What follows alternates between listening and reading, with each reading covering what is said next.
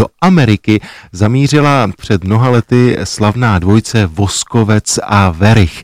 No a jejich zvukový příběh ve spojení s cestou do Ameriky zpracovává projekt Národního muzea Nový fonograf. No a já mám velikou radost z toho, že teď je s námi na telefonu vedoucí nového fonografu Filip Šír. Filipe, moc vás zdravím, přeji vám dobré dopoledne. Dobrý den, děkuji za pozvání. Jsem rád, že jste si na nás udělal čas, protože vím, že se chystáte na dnešní online stream přednášku, která se bude týkat Voskovce a Vericha. Vím, že osobnostem tohoto formátu se věnujete už delší dobu, tak je teď něco nového na obzoru?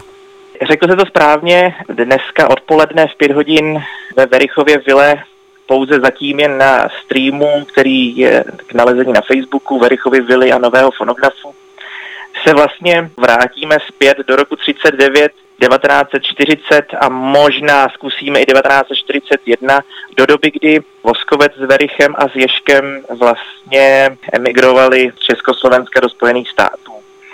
My se tam postupně budeme i v těch nadcházejících setkání, doufám, že už i živých setkání ve Verichově vile, setkávat s dalšími osobnostmi Hugo Haas, Adolf Hofmeister a další.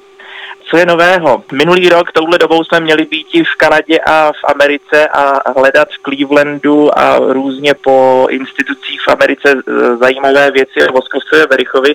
Neb se stále nachází Například jsme nalezli jejich fotografie, zápisky, scénáře z těžké Barbory v Clevelandu z roku 1940, o kterých většina lidí z divadelního světa vlastně neví nebo nevěděla. Stále se něco nachází. Já jsem rád za to, že jsme vlastně mohli se setkat s dcerou Jiřího Voskovce, Čiži Voskovec, který jsme to vlastně přednesli, co všechno děláme.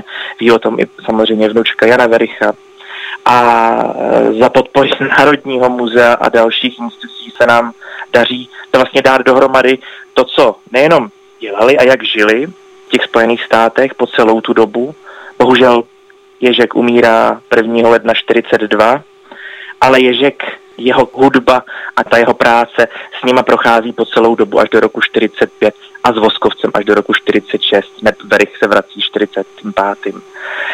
Stále je něco k nalezení. Filipe, co mě zajímá, samozřejmě jsme v rádiu a tady jsme vždycky všichni velmi choulostiví na kvalitu zvuku. My jsme si o fonografu vyprávěli už mnohokrát, teď se tedy dostáváme do roku, řekněme, 39-40, mm-hmm. tak mě zajímá, jak kvalitní jsou ty zvukové mm. záznamy, které vznikly v Americe? Sice jsou to 40.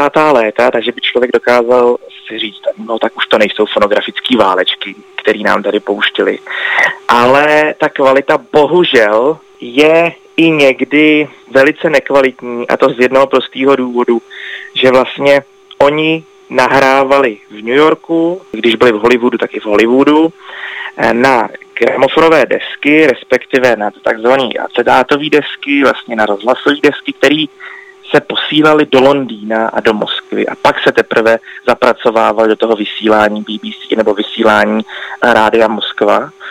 A to, co zůstalo Voskovcovi a Verichovi ve sbírce nebo v pozůstalosti, tak někdy je samozřejmě velice špatně dostupný, myslím ten obsah, že už je to popraskaný, zničený.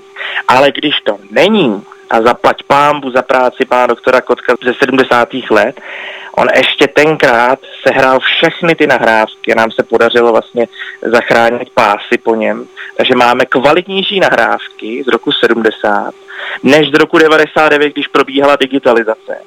A samozřejmě teď do toho budeme vstupovat my s jinýma technologiemi a budeme doufat, že ještě třeba kvalitní to sežneme. Ale bohužel ta kvalita je vlastně už ovlivněna tím materiálem, respektive tím, že se ten materiál vlastně rozpadá. Filipe, když by se chtěl dnes někdo připojit v 17 hodin online do Verichovy vily, tak prakticky to zvládne jakým způsobem, jaké stránky navštívit? Facebookové stránky nového fonografu nebo Verichovy vily. Budeme se snažit samozřejmě i ten stream dát přímo na webové stránky nového fonografu a Verichovy vily. Takže v tuto chvíli bohužel, ale díky za to konečně, jenom teda přes virtuální prostředí a doufáme, že v červnu už by to mělo být na místě ve Verichově vile, protože kde jinde se setkat s Voskovcem a Verichem, když ne ve Verichově vile. Filipe, my když jsme se včera večer domlouvali na ten dnešní rozhovor, tak vy jste mi slíbil, že mi pošlete nějaký zvukový záznam, který mhm. prý ještě nikdo nikdy neslyšel. Tak teď co uslyšíme exkluzivně ve vysílání Rádia Klasik? Tím, jak jsme vlastně postupovali a zjišťovali, co udělali a neudělali, tak na začátku roku 41 udělali ukázkový scénář pro BBC, ten se líbil a dostali následně objednávku 5-6 nahrávek. A tohle je nahrávka číslo 5, kterou nahráli v Clevelandu těsně předtím, než Voskovec s Verichem odjíždějí do Hollywoodu. Tam je zajímavý příběh, Verich odjíždí dřív, Voskovec později, protože mu trhali zuby. Takže eh, díky mému kolegovi Martinovi Mejzrovi jsme tohle to samozřejmě si přečetli říkali, aha, dobře, takže i zuby mohly zarazit takového vyhlasného herce jako Jiřího Voskovce. Takže uslyšíme jeden z prvních scénářů, vůbec nejstarší jejich nahrávku, nejsou to ještě černé čtvrthodinky jsou to zatím jenom, my tomu říkáme pětiminutovky, ale poznáme v tom toho Voskovce a Vericha z toho osvobozeného divadla a tohle je ukázka eh, německo-italského přátelství, ale s takovým štiplavým závanem tehdejší doby, eh, tehdejší situace na Slovensku, ale to ať posoudí samozřejmě posluchač a divák. Mým hostem byl teď Filip Šír z projektu Nový fonograf Národního muzea. Filipe, ať se podaří dnešní online přednáška z Verichovy vily. No a teď si pustíme Voskovce a Vericha. Díky moc a mějte se. Vy taky, naschledanou. Prosím vás, příteli, má úcta. No proč prosím vás, když vaše úcta, to je přeci zbytečné utrácení energie na úctivosti v dnešních časech. Možná, možná, ale já si nebyl jíst, že jste to vy, víte? Vy jste obvykle takový bledý jako sejra, tedy nechci říct jako liptovský sír, protože liptovský sír je teď nejedlý. Ano, já vím, protože on je otrávený, že je samostatný. On musí jaksi smrdět jak mu tuka poručí a ne jak se mu chce. Ne, ani jsem o tom nevěděl. Což nechme sír konečně. Proč pak jste tak opálen? Vy jste tak černý, že jsem vás ani nemohl poznat. Já byl na jihu, hehe. Aha, aha, aha, Florida, Mississippi, Missouri, Virginia. No, Itálie. I, v Itálii. Itálii. Ale chudáku, to vás lituju. Vy jste se zbláznil, proč mě litujete, jak to? Já, já jsem se měl jak Bůh člověče, slunce, voda, vzduch, hory, lesy, moře a... No já jsem stlous. Ale vy jste čistě propagandista, pane, já pochybuju, že je tam jídla dost, já pochybuju, pane, já, já pochybuju, já, já pochybuju. No tedy vy jste skutečný propagandista, tedy já jsem zrovna, já jedu z Itálie a já vám tady povídám, že je tam jídla dost.